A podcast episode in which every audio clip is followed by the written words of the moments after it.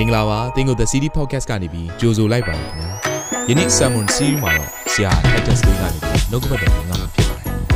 မိမိရဲ့အသက်တာကိုကောင်းကြီးဖြစ်စေမယ့်ဘုရားသခင်ရဲ့နှုတ်ကပတ်တော်နဲ့နီလန်းတွေကိုအတူတူကခံယူကြရအောင်ခင်ဗျာ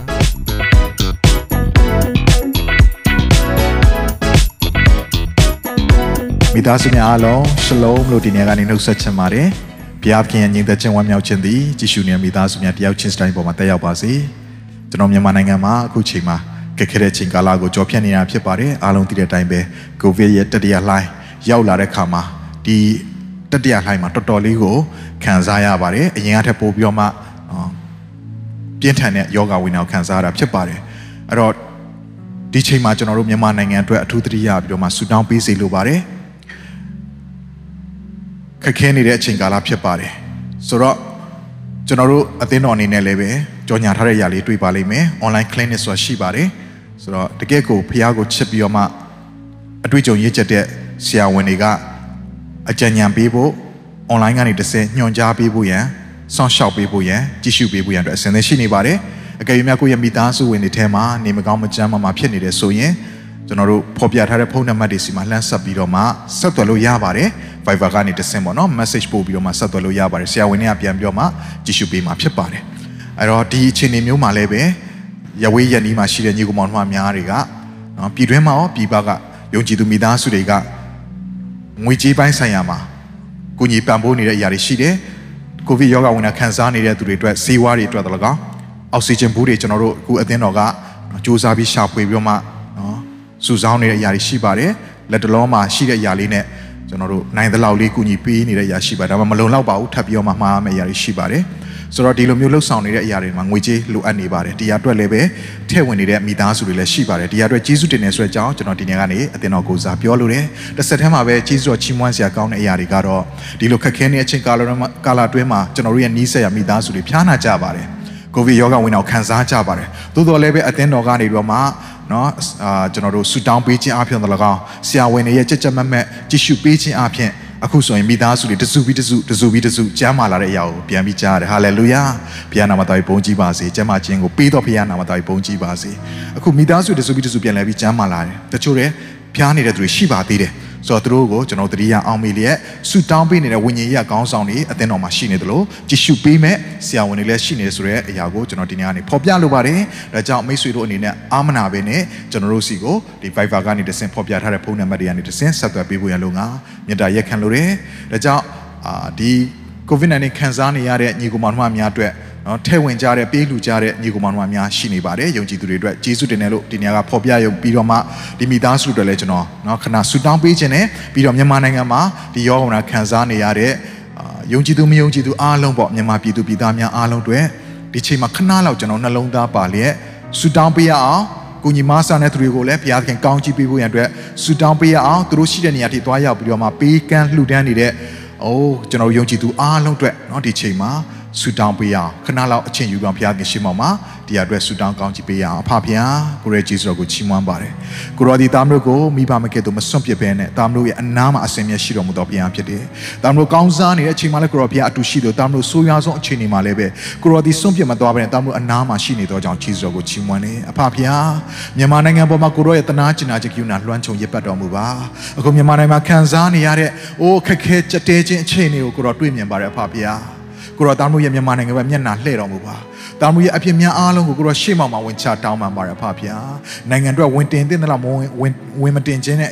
ဝင်မတင်ခဲ့တဲ့အရာတွေမြန်မာနိုင်ငံအတွက်ဆူတောင်းတဲ့လောက်ဆူမတောင်းခဲ့တဲ့အဖြစ်တွေဒီနေ့မြန်မာနိုင်ငံအတွက်ကိုစားပြုတဲ့လောက်ကိုစားမပြုဘဲနဲ့ပေါ့ရော့စွာနေခဲ့တဲ့အခြေအနေတွေအတွက်ဝင်ချတောင်းပန်ပါယနေ့မှာကိုရောထံသားမလို့နှလုံးသားများနဲ့ပြန်လာပါရဖဖျားခင်မြန်မာနိုင်ငံကိုရောမျက်နှာလှည့်၍ကောင်းချီးပေးပါတနာကျင်နာခြင်းနဲ့ကောင်းချီးပေးပါယခုအိုးကိုရောပြရှိကို COVID-19 ကြောင့်ခံစားနေရတဲ့ယောဂဝိညာဉ်တွေများရှိတဲ့အရာမှာကိုရောဖျားရှင်ရဲ့ကျမ်းမာခြင်းကိုယေရှုနာမနဲ့ဆေလွတ်ပါတယ်ဖဖျား။အိုးကိုရခင်ရဲ့ဒဏ်ချက်တော်ပြင်သူတို့ဒီအနာရောဂါပျောက်ကင်းပြီဖြစ်ကြောင်းယေရှုနာမနဲ့ဝန်ခံပါတယ်ဖဖျား။ကိုရကျမ်းမာခြင်းကိုသူတို့ရှိတဲ့နေရာမှာတက်ရောက်တဲ့အိုးကရောပြန်လဲပြီးတော့ခွန်အားနဲ့ပြေဝရီကျမ်းပါစေပါသူတို့စားတော့တဲ့အစားတောက်များအဖြစ်သူတို့တောက်သုံးနေတဲ့စီးဝါးများအဖြစ်ကိုခန္ဓာသည်ပြန်လဲအပြည့်လန်းဆန်းလျက်အိုး resistant အပြန်လဲရရှိလျက်ဒီယောဂအောင်နဲ့တွန်းထောက်နိုင်နိုင်တော့ခွန်အားစွမ်းတတ်တဲ့ ဒီမချမ်းမာခြင်းတွေကနေပြန်လဲပြောမှချမ်းမာခြင်းအခွင့်ကိုပေးပါမိကြောင်းဆုတောင်းပါတယ်သူတို့အိတ်တဲ့အိယာများကိုလည်းယေရှုနာမနဲ့ကောင်းချီးပေးတယ်နာမကျန်းလို့လှဲလျောင်းရတဲ့အရာညှဉ်းညူပြီးလှဲလျောင်းရတဲ့အရာမဖြစ်စေဘဲနဲ့ကိုရောဒီထိုအိယာကိုလှမ်းပြန်စေလျက်ကျမ်းမာစွာနဲ့အိပ်စရသောအိယာကောင်းမွန်စွာနဲ့နှိမ့်ချိတ်စွာနဲ့အိပ်ပျော်သောအိယာဖြစ်စေပါလက်တော်တဲ့အပ်ပါတယ်ဖဖျားဒီအရာအတွက်ကုန်ကြသွားတဲ့ငွေကြေးများကိုလည်းကိုရောဖျားရှင်သူတို့ကိုပြန်လည်ပြောမှာပေးရပါမိကြောင်းယေရှုနာမနဲ့ကောင်းချီးပေးတယ်တစ်ဆက်တည်းမှာပဲဒါဆူတောင်းလုပ်ပါတယ်ဖဖျားဒီလိုခက်ခဲနေတဲ့မိသားစုတွေအတွက် နှလုံးသားပါလျက်စိတ်ဝိညာဉ်ပါလျက်စေနာစိတ်ပါလျက်ပြီးကန်းလှူဒန်းကြသောညီကောင်မောင်နှမများအတွက်ကျေးဇူးတော်ကိုချီးမွမ်းပါတယ်ဆေဘိုးတဘိုးအလူငွေကျေးဇူးတော်အလူငွေအင်္ဂလိပ်အလူငွေတာမကပဲနဲ့အခုလိုယောဂဝနာခံစားနေတဲ့မိသားစုများအတွက်စာနာထောက်ထားသောအဖြစ်ပြီးလှူကြသောညီကောင်မောင်နှမများရှိပါတယ်ဒီအလူငွေတွေအားလုံးကိုရလက်တော်တဲ့အပ်ပါတယ်ဖဗျာဒီနေ့ဒီငွေကြေးကိုထည့်ဝင်ကြတဲ့ညီကောင်မောင်နှမတယောက်ချင်းစီတိုင်းအသက်တာထဲမှာ။အိုးပြန်လဲပြီးကိုတော်ဖျားရှင်ရဲ့ နှုတ်ကပတော်နဲ့ညီသောကောင်းကြီးမင်္ဂလာကိုတက်ရောက်စေလျက်ဝမ်းမြောက်သောအခွင့်ပျော်ရွှင်သောအခွင့်ချမ်းသာသောအခွင့်နဲ့ငွေကြေးပိုရှင်သောအခွင့်နဲ့ဆက်လက်ပြီးပေးကမ်းနိုင်သောသူများဖြစ်ဖွယ်ရန်လူကကိုတော်လမ်းဖွင့်ပေးလက်ကောင်းကြီးပေးပါမိကြောင်းလက်တော်တဲ့အနံပါတယ်ဖဗျာဒီငွေကြေးများအားဖြင့်လည်းတောင်းလို့ကိုဝေချမ်းရတဲ့အရာတွေရှိတယ်ပေးကမ်းရတဲ့အရာတွေရှိတယ်တွားရောက်ရတဲ့အရာတွေရှိပါတယ်ဖဗျာဒီမှုရခသိန်းတစ်ခုလုံးမှာကောင်းကြီးမင်္ဂလာပြည့်စုံစေလျက်အောင်မြင်သောခွင့်နဲ့အိုးကိုတော်မတွားရောက်ကြည့်ရှုတဲ့သူများရဲ့အသက်တာထဲမှာလည်းကျမ်းမာခြင်းခွင့်ကိုရရှိလျက်လူရောစိတ်ဝိညာဉ်ရောလမ်းဆန်းရသောခွင့်ကျမ်းမာသောခွင့်နဲ့ပြန်လည်ပြီးအမှုတော်ထဲမှာပါဝင်ရသောခွင့်ဘုန်းတော်ထင်ရှားသောအသက်တာဖြစ်စေပွင့်လုံးကကိုတော်ကောင်းကြီးပေးပါမိကြောင်းလက်တော်တဲ့အိုင်နန်တဲ့ခါမှာဂျေဇောကိုချီးမွမ်းမနေယနေ့နောက်ကာလအစဉ်မြဲမပြောင်းမလဲတည်ရှိတော်မူသောတပါးရောသားတော်ယေရှုခရစ်တော်ရဲ့မျက်နှာမှာအဖြစ်ဆုတောင်းစက္ကန့်နဲ့ကောင်းကြီးပေးကြပါ၏ဖပါသခင်အာမင် ရောက်ချင်းစတိုင်ဖျားရှင်သူကောင်းကြည့်ပေးပါစေဒီချိန်မှာကျွန်တော်ဆက်လက်ပြောဖျားရဲ့မျက်မှောက်တော်ထဲမှာကိုယ်ွယ်ရင်းထဲမှာနှုတ်ကပတ်တော်ခံယူဖို့ရဖြစ်ပါတယ်ဒီချိန်မှာနှုတ်ကပတ်တော်ကိုအတူတူကကြိုဆိုရအောင်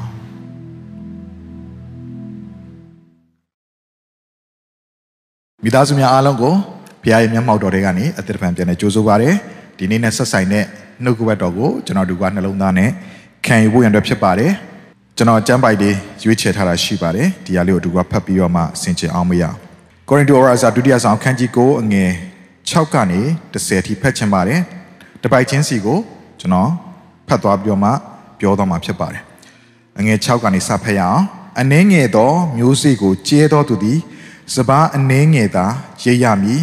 များစွာကျဲသောသူသည်များစွာရိပ်ရမည်ဟုမှတ်ကြလောလူတိုင်းကိုအလိုလျောက်လူရ၏နှမျောသောစိတ်နှင့်မလူရမလူဘဲမနေရဟုစိတ်ထင်နှင့်မလူရ အကြောင်းမူကားစေနာစိတ်နှင့်လှူသောသူကိုသာ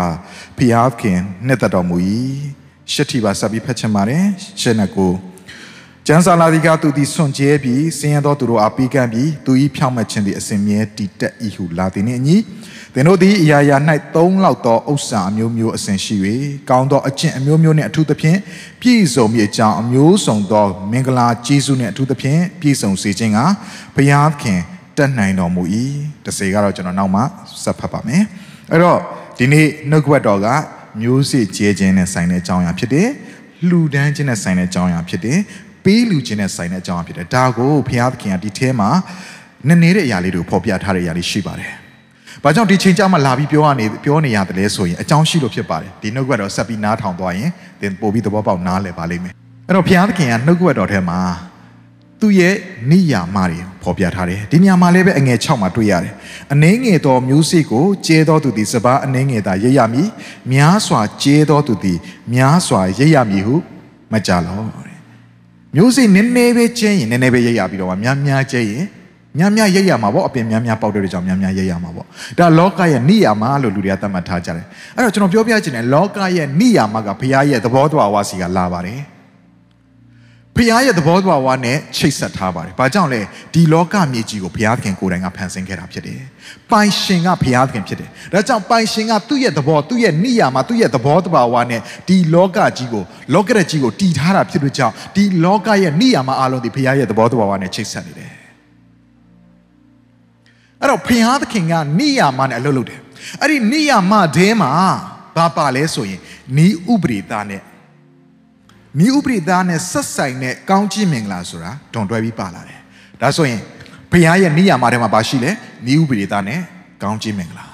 ။နိဥပရိသားဆိုတာလိုက်လျှောက်တာလိုက်နာရတာ။ဒါဆိုရင်နိယာမကဘုရားနဲ့ဆက်ဆိုင်ပြီးတော့မှနိဥပရိသားကတော့လိုက်နာဆောင်ရွက်ရမယ့်သူတွေနဲ့ဆက်ဆိုင်တာ။တနည်းအားဖြင့်သင်နဲ့ကျွန်တော်နဲ့ဆက်ဆိုင်တဲ့အရာဖြစ်တယ်။ဘဖျားသခင်ရဲ့နိုင်ငံတော်သားဖြစ်တဲ့ဆိုရင်ယေရှုခရစ်တော်မိမိရဲ့အသက်ခင်ကယ်တင်ရှင်ဖြစ်တဲ့ယုံကြည်လက်ခံထားတဲ့ယုံကြည်သူတွေရဲ့အသက်တာက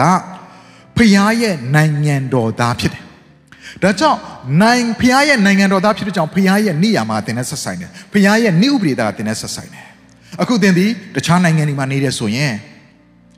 ဘယ်နိုင်ငံမှာပဲသင်ရောက်ရောက်အဲ့နိုင်ငံမှာသင်ကနိုင်ငံသားအဖြစ်နဲ့လက်ခံလိုက်တဲ့နိုင်ငံသားဖြစ်ခွင့်ရသွားတဲ့နိုင်ငံသားဖြစ်သွားပြီဆိုရင်အဲ့ဒီနိုင်ငံကချမှတ်ထားတဲ့ဤဥပဒေသားကသင်နဲ့ဆက်ဆိုင်သွားပြီသင်နဲ့ဓာတ်ရိုက်ကိုဆက်ဆိုင်သွားတာ ဒီဤဥပဒေသားတဲ့အသက်ရှင်ဖို့ရလို့ငါဒီနိုင်ငံသားဖြစ်တော်သူရဲ့တာဝန်ဖြစ်သွားပြီဒီဤဥပဒေသားနိုင်ငံကချမှတ်ထားတဲ့ဤဥပဒေသားကိုမလိုက်နာဘူးချိုးဖျက်တယ်ဆိုရင်အရေးယူခြင်းခံရတယ်ဒါကြောင့်နိုင်ငံသားတယောက်ရဲ့တာဝန်ကဒီနိုင်ငံကချမှတ်ထားတဲ့ဤဥပဒေသားဒါကိုလိုက်နာရမယ်တောင်းအပြည့်အဝရှိရှောင်လွဲလို့မရဘူးဒုနေကလောက်မဲ့ချက်တော်ညီကိုမောင်နှမတို့သင်နဲ့ကျွန်တော်ဒီယေရှုကိုယုံကြည်ပြီးသွားပြီဆိုရင်ဖခင်ရဲ့အလင်းတော်ရဲ့နိုင်ငံတော်သားဖြစ်သွားပါပြီ ဖခင်ရဲ့နိုင်ငံတော်သားတယောက်အနေနဲ့ကျွန်တော်တို့မှာဘာတာဝန်ရှိသွားပြီလဲဖခင်ချမှတ်ထားတဲ့ဤဥပဒေသားတွေကိုလိုက်နာဆောင်ရွက်ရမယ့်တာဝန်ကအပြည့်အဝရှိသွားပြီဒီဥပဒေသားတွေကိုမလိုက်နာဘူးဆိုရင်ဒါနိုင်ငံတော်သားတယောက်ရဲ့ကျင့်ဝတ်နိုင်ငံတော်သားတယောက်ရဲ့လှုပ်ဆောင်မှုတာဝန်ကိုပြက်ကွက်တာဖြစ်တယ်ဖောက်ဖျက်တာဖြစ်တယ်စီကံဖောက်ဖျက်တာဖြစ်တယ်နိုင်ငံတော်သားတယောက်အနေနဲ့ချမှတ်ထားတဲ့နိုင်ငံတော်ရဲ့ဥပဒေကိုလိုက်နာဆောင်ရွက်ရင်ကောင်းကျိုးတွေရှိတယ်။ ဂျေဇုတော်ချီးမွမ်းစရာကောင်းတဲ့အရာကတခြားနိုင်ငံတွေမှာဘလို့အကျိုးကျေးဇူးရှိလဲကျွန်တော်သိချာမသိပါဘူး။ဒါပေမဲ့သိချတာတစ်ခုကတော့ဒီလောကမှာရှိတဲ့နိုင်ငံနိုင်ငံတိုင်းရဲ့ဤဥပဒေသားကိုလိုက်နာဆောင်ရွက်တဲ့နိုင်ငံသားတိုင်းတွေဒီနိုင်ငံနဲ့ဆက်ဆိုင်တဲ့ကောင်းကြီးမင်္ဂလာအ ਨੇ အချင်းကိုခံစားရလိမ့်ရှိတယ်။ limit ရှိပါတယ်။အကန့်အသတ်ရှိတယ်ဒါပေမဲ့အံ့ဩစရာကောင်းတဲ့ຢာတစ်ခုကဖျားရဲ့နိုင်ငံတော်သားတယောက်ကဖျားခင်ချမှတ်ထားတဲ့ဤဥပဒေသား အဲ့ဤဥပဒေသားဘယ်ကလာလဲဖျားခင်သဘောတဘောကနေလာတာနိယာမကနေလာတာအဲ့တော့အဲ့နိယာမကိုသဘောပေါက်ပြီးဒီဤဥပဒေသားကိုနိုင်ငံတော်သားတယောက်ကဖျားရဲ့နိုင်ငံတော်သားတယောက်ကလိုက်နာဆောင်ရွက်တယ်ဆိုရင်လေဖျားခင်အံ့ဩစရာကောင်းလောက်တဲ့ကောင်းချီးမင်္ဂလာပေးအပ်ထားတယ်အရန်အောင်ဖို့ကောင်းလုံးနဲ့ဘုရားခင်ပြင်ဆင်ထားတဲ့ကောင်းကြီးမင်္ဂလာကပူရှံလုံးနဲ့ပြေဝလုံးနဲ့စုံလင်လုံးနဲ့နယူးပရိသတ်တစ်ခုအတွက် တစုံတစ်ခုကိုလိုက်နာဆောင်ရွက်တယ်ဆိုရင်တော့မှအဲ့ဒါနဲ့ဆိုင်နဲ့ကောင်းကြီးမင်္ဂလာအလုံးရင်းလိုက်ရှိတယ်ဟာလေလုယာဘာကြောင့်လဲဘုရားကပေးကမ်းတော်ဘုရားဖြစ်တယ်ရက်ရောတော်ဘုရားဖြစ်တယ် generous ဖြစ်တော်ဘုရားဖြစ်တယ်ဟာလေလုယာဘုရားနာမတော်ဘုန်းကြီးပါစေ ဖျားသခင်ကအယံပေးကျင်တော်ဖျားဖြစ်တဲ့ကြောင့်ဒီနီးဥပဒေသားတစ်ခုကိုလိုက်လျှောက်တယ်ဆိုရင်အဲ့ဒီနီးဥပဒေသားကိုလိုက်လျှောက်ခြင်းအတွက်ပြင်ဆင်ထားတဲ့ကောင်းကြီးမင်ကအင်မတန်များပြားတယ်အခုတည်းကျွန်တော်ခုနကဖတ်သွားတဲ့ကျမ်းစာထဲမှာအငယ်9မှာတွေ့ရပါလိမ့်မယ်30ကိုထပ်ဖတ်ရင်လည်းတွေ့ရပါလိမ့်မယ်အင်မတန်များပြားတဲ့ကောင်းကြီးမင်္ဂလာနဲ့ဘုရားသခင်ကပတ်ရထားတာနီးဥပဒေသားတစ်ခုအတွက်တစ်ခုချင်းစီတစ်ခွန်ချင်းစီအတွက်ဘုရားသခင်ဒီအဲ့တစ်ခုချင်းစီနဲ့ဆိုင်တဲ့ကောင်းချီးမင်္ဂလာကိုလည်းပြင်ဆင်ထားတယ်ဆိုတာကိုနိုင်ငံတော်သားတစ်ယောက်ဖြစ်တဲ့သင်နဲ့ကျွန်တော်ကသိမှတ်ဖို့ရတဲ့အရန်ရည်ကြည့်တယ် ဖခင်ရဲ့နိယာမဖခင်ရဲ့နိဥပဒေသားကိုလိုက်နာလိုက်တယ်ဆိုရင်အဲ့နဲ့ဆိုင်တဲ့ကောင်းကြီးမင်္ဂလာကိုဓာတ်ရိုက်ခံစားရတယ်အဲ့ဒါကယုံကြည်သူဖြစ်စေမယုံကြည်သူဖြစ်စေခံစားရတာဖြစ်တဲ့ညီကိုမနှမတို့ဥပမာကျွန်တော်ပြောပြမယ်မိဘကိုယူသေးစွာပြုလို့ထိုးထိုးပြုလင်ပြည်တော်၌ကောင်းစားသောခွင့်နဲ့အသက်ရှိရသောခွင့်ရှိတယ်လို့ကျမ်းစာကပြောထားတယ်ဒါကဘုရားသခင်ပြင်ဆင်ထားတဲ့နိဥပဒေသားဖြစ်တယ်။ဘုရားရဲ့နိယာမစီယာစီစဉ်လာတယ်။ဘုရားရဲ့သဘောတော်စီယာစီစဉ်လာတဲ့နိဥပဒေသားဖြစ်တယ်။အဲ့တော့နိဥပဒေသားဆိုတာကကျွန်တော်တို့နဲ့ဆိုင်တယ်။လိုက်လျှောက်ရမယ့်သူနဲ့ဆိုင်တယ် နိယာမကတော့ဘုရားနဲ့ဆိုင်တယ်အဲ့တော့ဒီနိဥပဒေသားကိုလိုက်လျှောက်တော်သူကဘုရားကိုတည်တော်သူဖြစ်စေမတည်တော်သူဖြစ်စေနိုင်နိဥပဒေသားနဲ့ဆိုင်တဲ့ကောင်းချီးမင်္ဂလာခံစားရတယ်ကျွန်တော်ရဲ့မိတ်ဆွေထဲမှာတယောက်ရှိတဲ့ဘုရားကိုမသိပါဘူးသို့တော်လည်းပဲသူ့ရဲ့မိဘကိုသူအယံလေးစားတယ်သူ့ရဲ့မိဘကိုသူအယံကြည်ညိုတယ်ယိုသေးစွာပြုတယ်တစ်ချိန်လုံးသူ့ရဲ့မိဘအတွက်သူစဉ်းစားပေးတယ် တတ်နိုင်သမျှသူကူညီပေးတယ်စောင့်ရှောက်ပေးတယ်ကြည့်ရှုပေးတယ်သူမိဘကိုသူအမြဲတမ်းနံပါတ်1နေရာမှာထားလေးရှိတယ်ကျွန်တော်သူ့ရဲ့ဘဝတက်တာကိုကြည့်တဲ့အခါမှာသူဒီဖခင်ကိုမရပါဘူးယေရှုကိုမယုံကြည်ပါဘူးသို့တော်လည်းပဲသူ့ဘဝတက်တာမှာအစင်မပြတ်ခေါင်းစားခြင်းကိုကျွန်တော်တွေ့မြင်ရတယ်သူယာဒူးတွေတစင်ပြီးတစင်တက်တယ်လူချစ်လူခင်ပေါ်လာတယ်အထက်လူကြီးရဲ့စိတ်ချခြင်းကိုခံစားရတယ်မျက်နှာตาရခြင်းကောင်းကြည့်မှသူခံစားရတယ် ဟာဘာကြောင့်ဒီကောင်းခြင်းမလို့ခံစားရလဲသူကဖျားခင်ချမှတ်ထားတဲ့တင်းကြီးမိဘကိုယူသေးစွာပြုလို့ဆိုတဲ့နေဥပဒေသားပေါ်မှာသွားပြောမှ alignment သွားကြတယ်သွားပြီးကိုက်ညီသွားတယ်သွားပြီးဆောင်ရွက်မိသွားတဲ့အတွက်ကြောင့်ယုံကြည်သူမဖြစ်တော်ညာလည်းပဲဘုရားသခင်အဲ့ new ပရိသတ်ကိုပေးထားပြီးအဲ့ new ပရိသတ်နဲ့ဆိုင်တဲ့ကောင်းကြီးမင်္ဂလာကိုအားလုံးအတွက်ပေးထားတာဖြစ်ကြောင်းဒီ new ပရိသတ်နဲ့ကိုက်ညီသွားတဲ့သူကကောင်းကြီးမင်္ဂလာကိုခံစားသွားရတာဖြစ်တယ် ဒါဆိုရင်အပြင်လောကမှာရှိတဲ့မယုံကြည်သောသူတွေတောင်မှဒီနိဥပရိသရဲ့ကောင်းကြီးမင်္ဂလာကိုခံစားရတယ်ဆိုရင်သူတို့လိုက်လျှောက်တယ်ဆိုရင်နိုင်ငံတော်သားဖြစ်တဲ့ဘုရားရဲ့နိုင်ငံတော်သားဖြစ်တဲ့တင်းနဲ့ကျွန်တော်ဒီတာ၍တောင်မှနိဥပရိသကိုလိုက်လျှောက်ခွင့်အတွက်တာဝန်မရှိဘူးလားမလုပ်သင့်ဘူးလားဒါကြောင့်ဒီနိဥပရိသကိုဆောင်ရွက်တဲ့ခါမှာလိုက်လျှောက်တဲ့ခါမှာခြေလန်းလှမ်းတဲ့ခါမှာအဲ့ဒါနဲ့ဆိုင်တဲ့ကောင်းကြီးမင်္ဂလာကိုပြင်ဆင်ထားတယ်ဆိုတော့ဒီနေရာမှာမျိုးစေ့အနှဲငယ်ကျဲရင်မျိုးစေ့ အပင်နည်းနည်းပဲရိတ်ရမယ်မျိုးစေ့ကိုများများကျဲရင်များများရိတ်ရမယ်ဘုရားကပြောထားတယ်ဟုတ်ပြီဒါဆိုဘုရားရဲ့နိယာမှာတော့ကျွန်တော်တွေးရပြီဒါဆိုကျွန်တော်တို့အတွက်လိုက်ရှောင်မဲ့နိဥပရိသကဘာလဲဆိုအငယ်ခုနှစ်မှာနိဥပရိသကိုတွေးရတယ်လူတိုင်းကိုအလိုအလျောက်လှူရ၏နှမျောသောစိတ်နဲ့မလှူရကိုအလိုလျောက်လှူရ၏ဆိုတာကအင်္ဂလိပ်ကျမ်းစာထဲမှာနှလုံးသားထဲကဆုံးဖြတ်ချက်ချထားတဲ့အတိုင်း စိတ်ဆုံးဖြတ်ချချထားတဲ့အတိုင်းပဲပေးလူပွင့်ရတဲ့ဖြစ်တယ်လို့ကျမ်းစာကဖော်ပြထားပါတယ်အဲ့လိုပြီးတဲ့အခါမှာနှမျောသောစိတ်နဲ့မလူရဘူးဟာငါကပြီးလိုက်တာနည်းနည်းလက်လွန်သွားတယ်အမေမငါတသိန်းပေးမလို့ပဲဒါပေမဲ့မကောင်းတက်တော့နှစ်သိန်းပေးလိုက်တယ်ဟိုတသိန်းကနှမျောစရာကြီးဆိုပြီးတော့မှနော်နှမျောသောစိတ်လေးပါသွားတယ်ဆိုရင်တင်ပေးထားတဲ့တသိန်းနဲ့နောက်ထပ်တင်ထပ်ပို့ပေးလိုက်တဲ့နောက်ထပ်တသိန်းကဘုရားခင်ရှိမောင်မှာအရာမထင်တော့ဘူးနှမျောသောစိတ်ပါသွားလို့မရဘူး နှမျောသောစိတ်နဲ့ပြီးကန်းနေတယ်ဆိုရင်အဲ့ဒါမှမှန်ဘူးအဲ့တော့နှမျောသောစိတ်နဲ့မပေးနဲ့တဲ့ကိုအလိုလျောက်ဆုံးဖြတ်ချက်ချထားတယ်ဆိုရင်တထောင်ဆိုတထောင်ပေါ့9000ဆို9000ပေါ့တသိန်းဆိုတသိန်း10သိန်းဆို10သိန်းပေါ့ကိုနှလုံးသားနိုင်တလောက်ဆုံးဖြတ်ချက်ချထားတလောက် ပေးဖို့ရတဲ့ဖြစ်တယ်အဲ့ထက်ပိုပြီးပေးမိရင်ပိုတဲ့အမောင့်လေးကိုအမြဲတမ်းတတတာအမလေးငါမှပိုပြီးပေးမိသွားတယ်အဲ့တုန်းကသာငါနော်ဒီလိုမျိုးခက်ခဲမှုကြုံနေစောစောသိရင်နည်းနည်းလေးခြံထားတာပေါ့လို့သင်စိတ်လေးကအဲ့ပေါ်မှာငဲ့ကွက်သွားတယ်ဆိုရင်နှမျောသောစိတ်လေးရှိသွားတယ်ဆိုရင်ဘုရားခင်ရှိမောတာကမင်္ဂလာမရှိတော့အဲ့တော့ဒီနေရာမှာဘာတွေ့ရလဲမလူပဲမနေရဟုစိတ်ထင်နဲ့မလူရ ဟာမဖြစ်သေးပါဘူးဒီလောက်အတင်းကျပ်တိုက်တွန်းနေမှာငါလှူမဖြစ်မယ်ငါနိုင်ငံတော်သားတယောက်ဖြစ်တဲ့ကြောင့်နိုင်ငံတော်ကချမှတ်ထားတဲ့ဖခင်ရဲ့နိုင်ငံတော်ကချမှတ်ထားတဲ့စီမင်းစည်းကမ်းတိုင်းငါအသက်ရှင်မှာဖြစ်တဲ့ကြောင့်ငါလှုပ်ရမယ်ဆိုတဲ့စိတ်နဲ့လှုပ်ဖို့ရန်အတွက်မဟုတ်ဘူးဆိုတော့ဒီကျမ်းစာတွေကပြောထားတယ်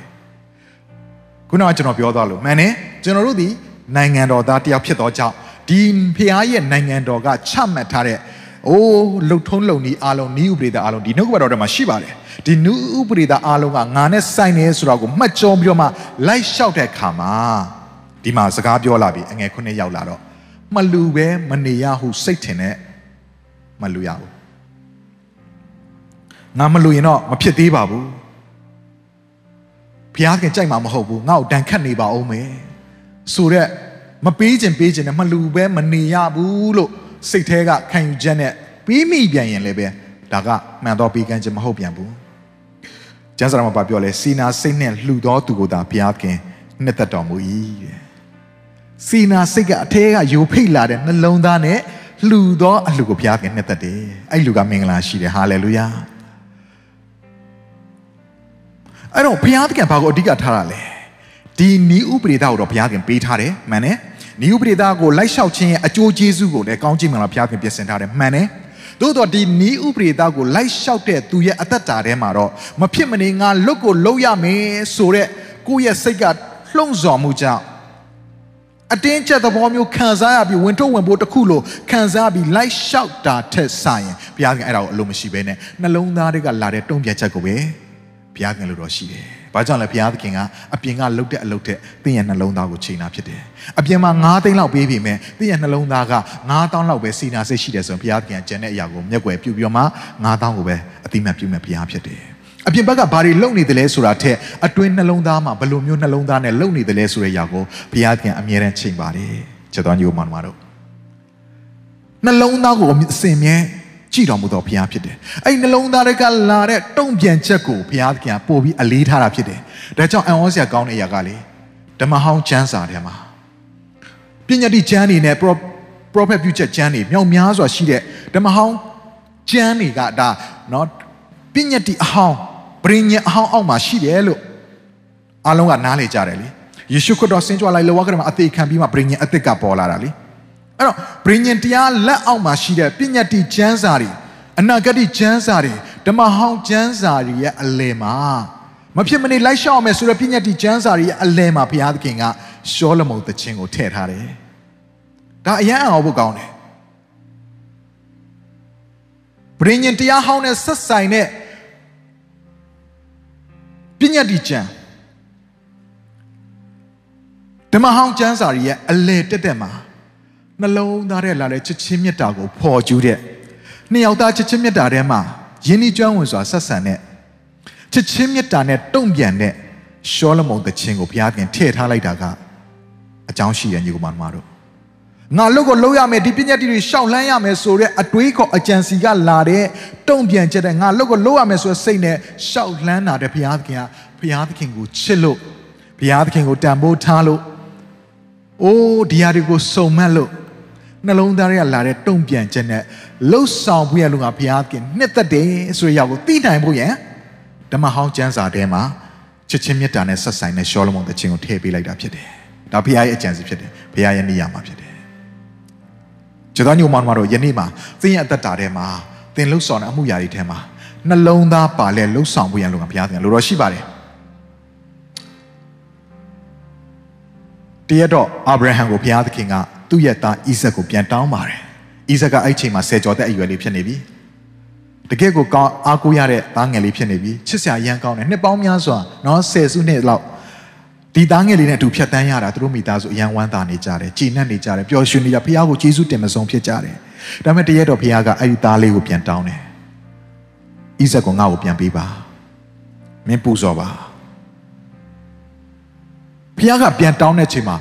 အာဗြဟံနှလုံးသားကြည်ကွဲရတယ်။သူရမ်းချစ်တဲ့သားလေးမရတဲ့ရတဲ့နဲ့ရထားတဲ့သားလေးအသက်များစွာအသက်အိုပြီးကမှရတဲ့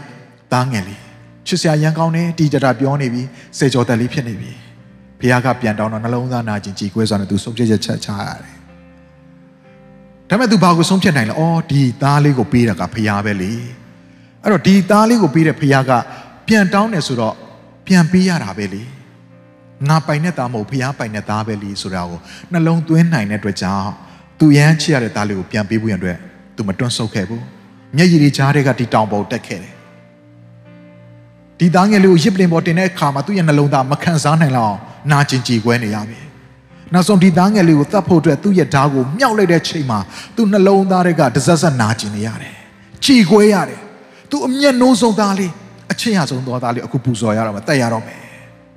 ဒါပေမဲ့ဖခင်ကပြီးတဲ့အတွက်ကြောင့်ပြီးတဲ့ပိုင်ရှင်စီကိုငါပြန်ပြီးသူ့ရဲ့ပစ္စည်းဥစ္စာကိုအနှင်းတာပဲဆိုတဲ့နှလုံးသားရှိတဲ့အခါမှာရဲရင်ချင်းတဲ့တရားကိုသူပြီးကမ်းပွင့်အတွက်ဆုံးဖြတ်ချက်ချက်ထားတယ်အဲ့တော့အာဗြဟံကသူ့ရဲ့သားကိုတတ်ဖို့ရန်အတွက်ပြင်ဆင်တဲ့အခါမှာသူလှုပ်ဆောင်တဲ့ဤဥပဒေသားကိုအတွေးခေါ်နဲ့လှုပ်တာမဟုတ်ဘဲနဲ့နှလုံးသားနဲ့လှုပ်ဆောင်ကြတာဖြစ်တယ်တခါကျွန်တော်ယုံကြည်သူတွေကတွတ်တတ်တယ်နော်ယုံကြည်သူတွေကအာယုံကပြောင်းတတ်တယ် အခုနေဥပဒေသားကိုလိုက်လျှောက်တဲ့ခါမှာအခုသိရပြီနေဥပဒေသားနောက်မှာကောင်းကြီးပင်လာရှိတယ်ဖခင်ရဲ့နေရာမကိုမျက်မှောက်ပြုတာထက်ကိုလိုက်လျှောက်တဲ့နေဥပဒေသားကကောင်းကြီးမင်္ဂလာရဖို့အတွက်ဖြစ်သွားတတ်တယ်နည်းနည်းကျဲရင်နည်းနည်းပဲရိပ်ရမယ်များများကျဲရင်များများရိပ်ရမယ်ဆိုတော့ငါနည်းနည်းစိုက်လိုက်ရင်ငါနည်းနည်းပဲပြန်ရိပ်ရအောင်မယ်အဲ့တော့ငါများများရရဖို့ရန်လုံးကငါများများကျဲမှဖြစ်မယ်ဆိုတော့မှများများပြီးကန်းတဲ့အခါမှာဘုရားကနှလုံးသားကိုလှမ်းချိန်တယ်လေ ဘုရားကဘာကိုတွေ့လဲတင်များများလိုချင်လို့ပေးနေတာဘာအတွက်ပဲလဲမိမိမိငါအတွက်ငါအတွက်ဆိုတဲ့အရာပဲငါရဲ့မိသားစုကောင်းစားဖို့ငါတာ၍တိုးပွားလာဖို့ငါဥစ္စာတော့ငါစီးပွားရေးလုပ်ငန်းတွေအောင်မြင်ဖို့ဘုရားလူကိုငါပေးရမယ်အသင်းတော်ကိုငါပေးရမယ်ငါများများပေးရမယ်ဘာကြောင့်လဲငါများများပေးမှများများရိပ်ရမှာဆိုတဲ့လောဘစိတ်မသိစိတ်ကနေပြီးမှရမယ်ကောင်းကြီးမင်္ဂလာကိုမျှော်ကိုးပြီးပေးတဲ့ခါမှာဘုရားသခင်ရှေ့မှာမှာအဲ့ဒါကအလကားဖြစ်သွားတယ် အဲ့တော့များများပေးပြီးတော့မှနောက်ဆုံးဘာဖြစ်လဲများများဆင်းရဲသွားတယ်သူအများကြီးရှိတယ်နော်ညီကောင်မောင်တို့မယုံမရှိနဲ့အများကြီးရှိတယ်အဲ့လိုလူတွေပေးကန်းလေးပေးကန်းလေးဆင်းရဲသွားတယ်ဘာကြောင့်လဲ तू ပေးနေရနှလုံးသားမမှန်ဘူးဘုရားနှလုံးသားကိုပဲချိန်တာစီနာစိတ်နဲ့ပေးတာမဟုတ်တော့ဘဲနဲ့တစုံတစ်ခုအကျိုးရလက်ပြန်ရဖို့ရလို့ငါပေးကန်းတာဖြစ်လို့တကြောင်အရာမထင်ဘူးအဲ့တော့ဘုရားခင်ဒီနှလုံးသားကိုချိန်တာအခုအာဗြဟံကငါဒီသားလေးကိုပေးလိုက်ရင်ဘုရားသခင်က အာဒီဟာရဲ့နောက်ွယ်မှာပြင်ဆင်ထားတဲ့အရာရှိကောင်းရှိနိုင်တယ်အဲ့တော့ငါသွားပေးရင်ဘုရားသခင်ကနော်တစုံတစ်ခုများတခြားသောသူများအစားထိုးပေးမလားနော်တိုးလေးတွေများပြင်ဆင်ထားမလားဆိုပဲကြိုတင်ပြောမှဒီဣဆက်ကိုမတက်ခင်မှာဘေးနားမှာနော်တိုးလေးတစ်ကောင်ကောင်များရှိမလားလိုက်မကြည့်တော့ဘူးဒီသားလေးရဲ့နောက်ွယ်မှာဘုရားသခင်ကနော်ထပ်ပြီးပေးမဲ့အရာတွေရှိနိုင်တယ်ဆိုတဲ့အရာကိုလည်းကောင်းကြည့်မှလည်းမမျောကိုးတော့ဘူးဒီချိန်မှာ तू သိတဲ့အရာကဖះကိုငါဒီသားလေးကိုပေးဖို့ပေးရတော့မယ်နှလုံးသားထဲမှာအယံကြည်ကွယ်ဝမ်းနေစွာနဲ့ဖះကိုစိတ်ချစွာနဲ့ ဖះတောင်းတဲ့ကြောင့်ဖះကိုသားလေးထက်ပိုပြီးနံပါတ်1နေရာမှာထားပြီးတော့မှဖះကိုချစ်တဲ့စိတ်နဲ့ပြီးကန်းတဲ့အခါမှာဘုရားသခင်ဘာလုပ်လဲချက်ချင်းပဲသူ့ရဲ့လက်ကိုတားပြီးတော့မှဘေးနားမှာတိုးလေးတစ်ကောင်ညှိနေတယ်အဲ့တိုးကိုယူပြီးပူဇော်ပါမင်းရဲ့သားကိုမတတ်ပါနဲ့မင်းကငါရှိမှနှလုံးသားနဲ့ပြီးလူပူဇော်တော်သူဖြစ်တဲ့ကြောင့်သင်ရဲ့မျိုးနွယ်ကကောင်းချီးပေးမယ်သမုဒ္ဒရာသဲလုံးနဲ့များများပြားစေမယ်စပြင်ဘုရားသခင်ကောင်းချီးမင်္ဂလာကနော်ကပ္ပဦးချံခန်းကြီး20နှစ်မှာစပြီးဘုရားသခင်ကအာဗြဟံကိုအဲ့ဒီနောက်ွယ်မှာနောက်ဘက်မှာကောင်းချီးပေးလာတယ် အင်မတန်များပြားဂတိတော်တွေကိုဘုရားသခင်အနှင်းတယ်။ဘာကြောင့်လဲဘုရားသခင်နှလုံးသားကိုချိန်လိုက်တယ်။သူကသာတော့တစုံတစ်ခုသိုးရီကိုလိုက်ရှာထားမယ်။သူကသာဘုရားနောက်ထပ်ဣဇက်ကိုပူဇော်တဲ့ချိန်မှာဘုရားသခင်ပြင်ဆင်ထားတဲ့ကောင်းကြီးမလို့မျှော်ကိုးတယ်ဆိုရင်ဒီဟာတွေဖြစ်လာမှာမဟုတ်ဘူး။ကျွန်တော်ညို့မောင်မတို့တင်းတင်းနီးဥပဒေသားကိုလိုက်လျှောက်တာမှန်ပါတယ်။သို့တော်လည်းအဲ့နီးဥပဒေသားကိုလိုက်လျှောက်တဲ့အချိန်မှာနီးဥပဒေသားရဲ့နောက်ွယ်ကရမယ်ကောင်းကြီးမင်္ဂလာကိုမျှော်ကိုးပြီးပြီးနေတဲ့လှုပ်ဆောင်နေတဲ့စက္ကန့်နေတဲ့ပါဝင်နေတဲ့ဆိုရင်တော့အဲ့ဒါကမှားယွင်းသောပါဝင်ခြင်းဖြစ်တယ်။မှားယွင်းသောပေးကမ်းခြင်းဖြစ်တယ်။မှားယွင်းသောလိုက်လျှောက်ခြင်းဖြစ်သွားတယ်။ ဒါကြောင့်သင်လှုပ်ဆောင်တဲ့အခါမှာနှလုံးသားပါဖို့ရန်အတွက်အရန်ရည်ကြီးတယ်။ဟာလေလုယာ။နှလုံးသားပါဖို့အရန်ရည်ကြီးတယ်။နှလုံးသားနဲ့ပေးကမ်းဖို့ရန်အတွက်အရန်ရည်ကြီးတယ်။အဲ့တော့အငယ်ခွန်လေးခုနှစ်ကိုထပ်ပြီးပံ့ပိုးပြီးတာရှင်းတဲ့ကိုဖြစ်တယ်။ဖက်ကြည့်ရင်ခုနှစ်ခွန်ကိုချိတ်ဆက်သွားတဲ့အရာလေးတွေ့ရလိမ့်မယ်ကျွန်တော်ဖက်ကြည့်အောင်။အငယ်ရှင်းမှာကျမ်းစာလာသည်ကသူသည်စွန့်ကြဲပြီးစင်ရဲသောသူတို့အားပေးကမ်းပြီးသူဤဖြောက်မှတ်ခြင်းသည်အစဉ်မြဲတည်တတ်၏ဟုလာသည်နှင့်အညီ သင်တို့သည်အရာရာ၌သုံးလောက်သောဥစ္စာအမျိုးမျိုးအစဉ်ရှိ၍ကောင်းသောအကျင့်အမျိုးမျိုးနှင့်အထူးသဖြင့်ပြည့်စုံစေမိကြောင်းအမျိုးစုံသောမင်္ဂလာကျေးဇူးနှင့်အထူးသဖြင့်ပြည့်စုံစေခြင်းကဘုရားခင်တတ်နိုင်တော်မူ၏တဲ့အငယ်ရှစ်မှာပါပြောလဲသူသည်စွန့်ကြဲပြီးစင်းရဲသောသူတို့ဟာပေးကမ်းပြီးသူဤဖြောင့်မတ်ခြင်းသည်အစဉ်တည်တဲ့အဲ့ဒါစာကြောင်းတတန်းတည်းဖြစ်တယ်တစ်ဆက်တည်းဖြစ်တယ်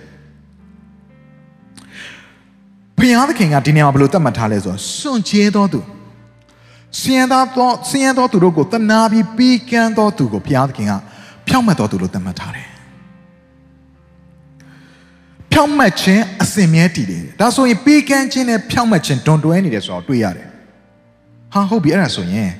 ငါများများပြီးကမ်းငါများများဖြောင့်မတ်သောသူဖြစ်တာပေါ့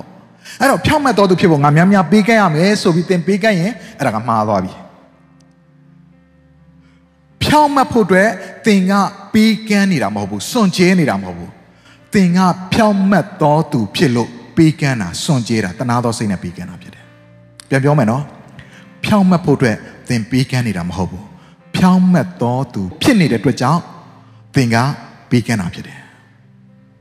ဖြောင့်မတ်တော်သူကဘယ်လိုဖြစ်တာလဲယေရှုခရစ်တော်ကိုယုံကြည်လိုက်ခြင်းဖြင့်တန်ရှင်သောဝိညာဉ်တော်ကနေရာယူတဲ့အခါမှာယေရှုခရစ်တော်ရဲ့စိတ်တော်သင်ထဲမှာစပြီးတည်တည်လာတယ် အရင်ကတော့သင်ကကက်စီနေတဲ့တော်သူပေါ့ကိုအတွက်ပဲကိုအတွက်ပဲကိုအတွက်ပဲဆိုပြီးတင်ကြုံပြီးတော့မှရယူသိမ့်ပိုက်တော်သူပေါ့ဒါပေမဲ့အခုတော့မဟုတ်တင့်အထဲမှာတန်ရှင်းသောဝိညာဉ်တော်ဘုရားရှိတဲ့ခါမှာ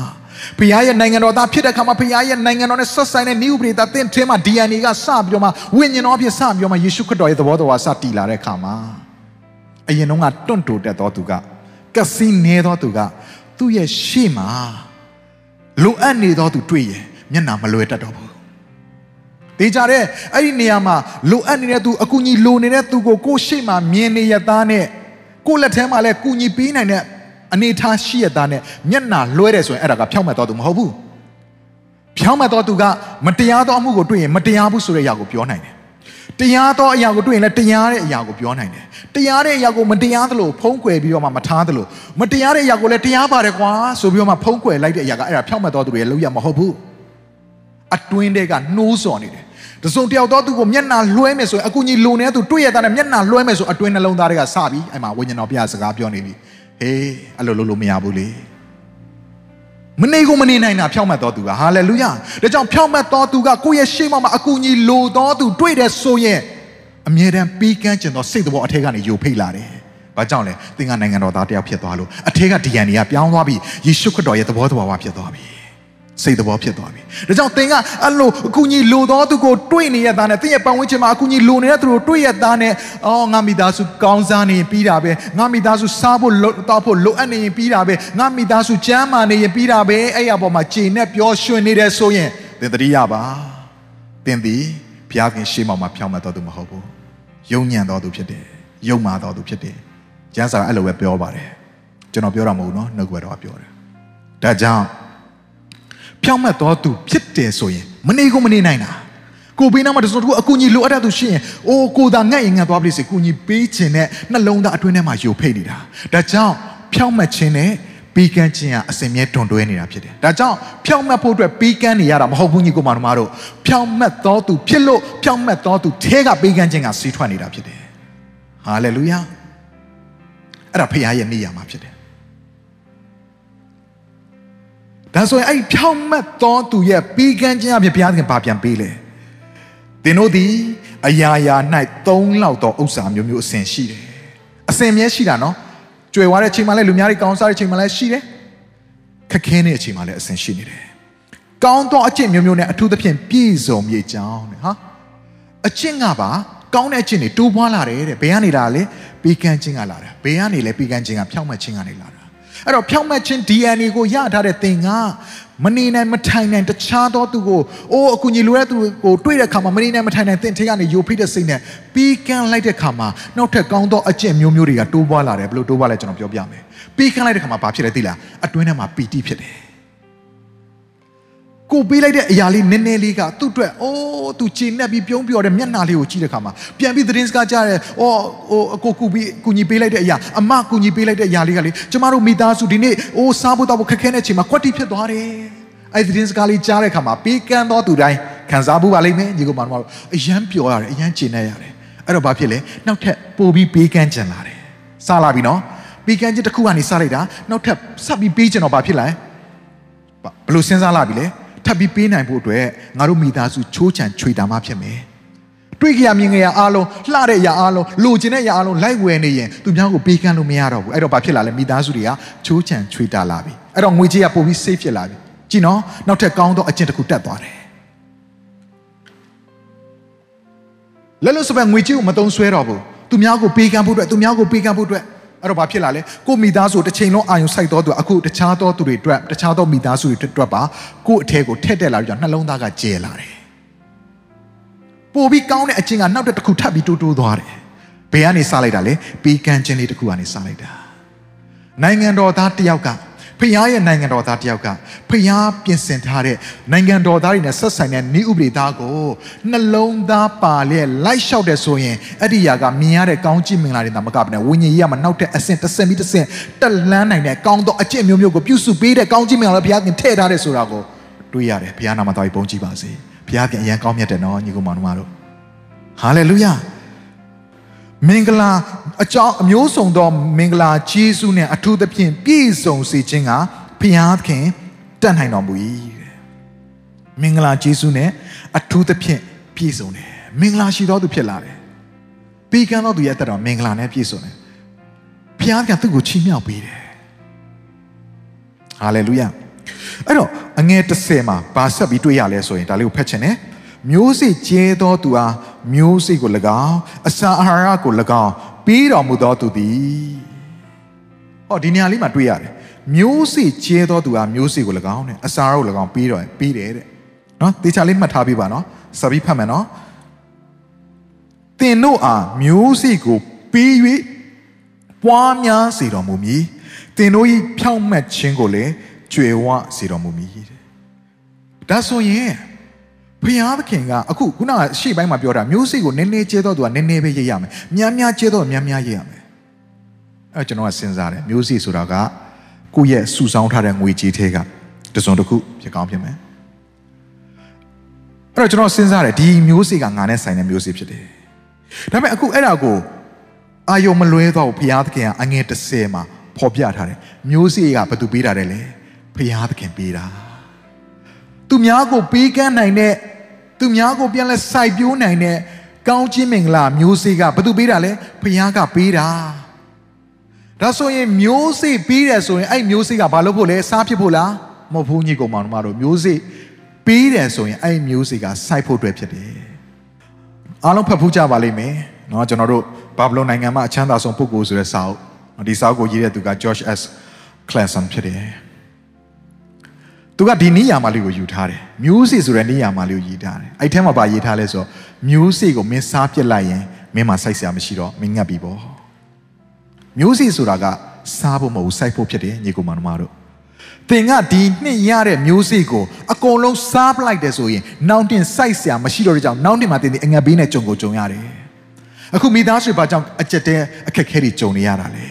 ဖျားခင်ပေးလိုက်တဲ့မျိုးစေ့တွေကို စိုက်ဖို့အတွက်မစင်စားဘဲနဲ့စားဖို့သုံးဖို့ကိုမိသားစုစားဖို့အတွက်ပဲစဉ်းစားလိုက်တဲ့ခါမှာမျိုးစေ့ကစိုက်ဆရာမရှိတော့တဲ့ကြောင့်အတိမတိတော့ဘူးငတ်ရပြီအခက်ခဲကြုံရပြီငွေကြေးကြက်တဲမှုကိုကြုံရတယ်ဒါကြောင့်မထားပါညီကောင်မတို့တင်းစီငွေကြေးကောင်းကြီးမှလာတစုံရောက်လာတယ်ဆိုရင်ဘယ်ဟာပဲဖြစ်ဖြစ်ပေါ့နော်ကောင်းကြီးမှလာတစုံရောက်လာတယ်ဆိုရင်အဲ့ဒီအရာဒီ ပြန်စိုက်ပြရမယ်မျိုးစေ့ဖြစ်တယ်ဆိုတာကိုနားလဲပါစားတဲ့အရာနဲ့စိုက်တဲ့အရာနဲ့ရှိရဆိုနားလဲပါအဲ့တော့ခုနောက်အထက်ပိုင်းလေးမှာကျွန်တော်မှတ်ထားတဲ့မှတ်ထားခိုင်းတဲ့အရာလေးတစ်ခုရှိရနော်အဲ့ဒါပါလဲဆိုတော့မျိုးစေ့ကျဲတော်သူဟာမျိုးစေ့ကို၎င်းအစာအာဟာရကို၎င်းပေးတော်မူတော်သူသည်တဲ့ကျဲချဖို့ရတဲ့မျိုးစေ့ကိုဘုရားကပေးတယ်အဲ့မျိုးစေ့ကိုကျဲချတော်သူတွေဘုရားကဘာကိုထပ်ပေးလဲထပ်ပြီးကျဲချနိုင်မဲ့မျိုးစေ့နဲ့အတူ plus ဘုရားပါထပ်ပေးလဲအစာအာဟာရကိုပေးတယ်ဟာဒီမျိုးစေ့လေးကျဲလိုက်ငါဘာနဲ့သွားစားမလဲစဉ်းစားစရာအကြောင်းရှိတယ်နော်ဒါပေမဲ့ဘုရားရဲ့နေရာမှာပါလဲအဲ့ဒီမျိုးစေ့ကိုကျဲချလိုက်ပါကျဲချလိုက်ရင်ဘုရားကနောက်ထပ်ကျဲချနိုင်တဲ့မျိုးစေ့ကိုထပ်ပေးတဲ့အပြင်အစာအာဟာရကိုလည်းပေးအောင်မယ်အဲ့တော့ကိုစိုက်ထားတဲ့မျိုးစိတ်ကလည်းမကြခင်မှာအပင်ပေါက်လာပြီးထပ်ပြီးတော့မှအသီးသီးလာပြီးတော့မှ အဲ့ရကောင်းကြီးမင်္ဂလာလည်းထပ်ပြီးရောက်လာအောင်မယ်စဉ်းစားကြည့်နော်မျိုးစိတ်ရောရမယ်နောက်ပြီးအစာလည်းရတဲ့ပြင်အရှိပိုင်းမှာချခဲ့တဲ့မျိုးစိတ်ကအပင်ပေါက်လာတဲ့အသီးတောင်လည်းပြန်လည်းရရအောင်မယ်ညီကောင်မဘယ်လောက်တောင်ကောင်းကြီးမင်္ဂလာများတယ်လဲဟာလေလုယာဖခင်ရဲ့နေရာမှာအံ့ဩဖို့အရင်ကောင်းတယ်နော်ကျွန်တော်ရဲ့ညီကိုတွေထဲမှာကျွန်တော်တော်တော်လေးကြာပါပြီဟိုးညတော့ကကျွန်တော်အာဒီစပားခင်းနေနဲ့ဆက်နွယ်တဲ့သူတို့နေရာမှာစိုက်ခင်းနေရှိတော့အဲ့ညီကိုတယောက်ကျွန်တော်မေးခဲ့ဘူးလေစပားစပယ်နံတစ်ခုမှာ စပားစိဘယ်နှခုလောက်ပြန်ပြီးတော့မှနော်ပြီးသလဲပေါ့မျိုးစေ့တစ်စေ့ချချလိုက်တယ်စပားစိချလိုက်တယ်အပင်ပေါက်လာတယ်အဲ့ဒီပင်ကနေတော့မှစပယ်နံကနေမှအသီးဘယ်လောက်သေးတယ်လဲသူကပြောတယ်180ရာနဲ့200ကျောင်းမှသေးတယ်အဲကျွန်တော်ရဲ့နော်ဒီအမှုတော်ဆောင်ထဲမှာတယောက်ရှိတယ်သူကသူကိုယ်တိုင်လေထုံပြီးတော့မှစပားကြီးစိုက်တဲ့သူတယောက်ဖြစ်တယ်သူ့ကိုကျွန်တော်မေးတယ်ဂုံကြတဲ့တလောပါပဲစပန်နန်တစ်ခုမှာမျိုးစစ်ဘယ်လောက်ရှိလဲ နော်စပားစစ်ဘယ်လောက်လောက်တီးတယ်လဲသူကပြောတယ်ဆရာ90 90နဲ့60ကြားမှာပဲတီးတယ်ဟာဟုတ်လို့လားငါကြားတာတော့180နဲ့200ကြားမှာရှိတယ်အဲ့အဖြေကနှစ်ခုဖြစ်နေတော့ကျွန်တော်အင်တာနက်မှာရှာကြည့်တယ် YouTube မှာရှာကြည့်တော့ဗီဒီယိုလေးတစ်ခုသွားပြီးတွေ့တယ်အဲ့ထဲမှာတယောက်ကဇီစပန်နန်ကိုယူလိုက်ပြီးတော့မှအာဒီစပန်နန်တစ်ခုချင်းစီကိုစပလုံးတစ်ခုချင်းစီကိုချွေပြီးတော့ရည်တဲ့အရာလေးတွေ့တော့ဟာကွက်တိပဲကျွန်တော်သွားပြီးကြည့်တော့ စပန်နံတစ်ခုယူလိုက်တယ်အဲ့တော့ဖြန်းမြအားဖြင့်နော်အပင်ကျမ်းမှာတန်ဆွမ်းတဲ့အပင်မှာဖြန်းမြအားဖြင့်အစိဘယ်နှစိရှိတယ်လဲဆိုတော့နော်တီးတယ်လဲဆိုတော့သူရည်တဲ့အခါမှာဘယ်လောက်ရှိမှထင်လဲ50တစီရတယ်50တစီရတယ်အဲ့တော့ကျွန်တော်ခုနကပြောတဲ့အာ90နဲ့60ဂျာရတယ်ဆိုတော့နော်အမှုတော်ဆောင်ကကျွန်တော်ကသူ့ကိုဟုတ်ပါမလားလို့ပြောတော့ तू ကမကျေနပ်နိုင်ပဲနဲ့သူ့ရဲ့အဖိုးစီကိုလှမ်းပြီးဖုံးဆက်ပြီးတော့မှမေးတယ် အဖိုး तू အဖိုးကကြောက်စိုက်ခင်းထဲမှာရှိရသူလေ तू ကအမြဲတမ်းစပားစီလိုရေနေတဲ့ရေတွက်နေတဲ့အဖိုးအဲ့တော့ तू ကလမ်းပြီးဖုံးဆိုင်မိတယ် confirm ဖြစ်အောင်လို့အဖိုးဘယ်လောက်ဘယ်လောက်လောက်စပန်စပန်တခုမှအစီပါတယ်လဲဆိုတော့အဖိုးကပါပြောလဲဆိုတော့အရန်အထွက်နှုံအောင်တဲ့နှစ်တွေဆိုရင်အရန်အထွက်နှုံကောင်းတဲ့နှစ်တွေဆိုရင်စပန်နံတခုမှနော်သူကစပန်နံတခုမှနော်စပားပင်တခုမှစပန်နံတွေအများကြီးရှိရလေအဲစပားပင်တစ်ပင်မှာ200ကနေ300ကြားအသီးတွေရှိတယ်တဲ့သူကအမြဲတမ်းရှိနေတဲ့သူဆိုတော့သိတယ် ဒါကြောင့်ဘာကိုတွေ့ရလဲညီကောင်မတို့ကိုဆက်လိုက်တာတော့တစီပဲဒါပေမဲ့သင်ပြန်ရတာအစ90 60 100 200 300ထိဘုရားသခင်ကပြန်ပြီးပေးတဲ့နိယာမသဘောတဘာဘုရားသခင်ပြင်ဆင်ထားတယ်ဟာလေလုယာဒါကြောင့်တင့်ဘက်ကမျိုးစေ့ချလိုက်ဖို့ပဲအဲ့ဒါကအပင်ပေါက်ပြီဆိုရင်အိုးနင်းနေနောနောမှမဟုတ်တာပြန်ပြီးရိတ်သိမ်းရမယ်ရာဘုရားသခင်ကမျိုးစေ့ကိုပေးတယ်ဆိုရင်စိုက်ပျိုးစေခြင်းလို့ပေးတာဒါကိုနှလုံးသွင်းပါညီကောင်မတို့ သင်လက်ထဲရောက်လာတဲ့မျိုးစေ့ကိုပြန်ပြီးကျဲချဖို့ရတဲ့စိတ်နှလုံးကိုပြင်ဆင်ပါကျဲချလိုက်ရင်ဘုရားကထက်ကျဲနိုင်တဲ့မျိုးစေ့နဲ့ plus အစာအာဟာရကိုလည်းပေးအောင်မယ်အဲ့ဒီပြင်အရှိမကျဲချထားခဲ့တဲ့မျိုးစေ့ရဲ့ကောင်းကြီးမင်္ဂလာတွေကလည်းရိတ်သိမ်းရအောင်ပါနည်းနည်းတော့တော့မဟုတ်ဘူးဘုရားသခင်ပြင်ဆင်ထားတာဒီနေ့မှာဘာလို့တွေ့ရလဲဆိုတော့သင်သင်တို့အားမျိုးစေ့ကိုပေး၍ပွားများစေတော်မူ၏သင်တို့၏ဖြောင့်မတ်ခြင်းကိုလည်းကြွယ်ဝစေတော်မူ၏တဲ့ဖြောင့်မတ်ခြင်းကလည်းကြွယ်ဝလာတယ်အင်္ဂလိပ်ကျမ်းစာမှာဖတ်ရင်တော့ရှင်းပါတယ် the harvest of the righteousness လို့ရေးထားတယ်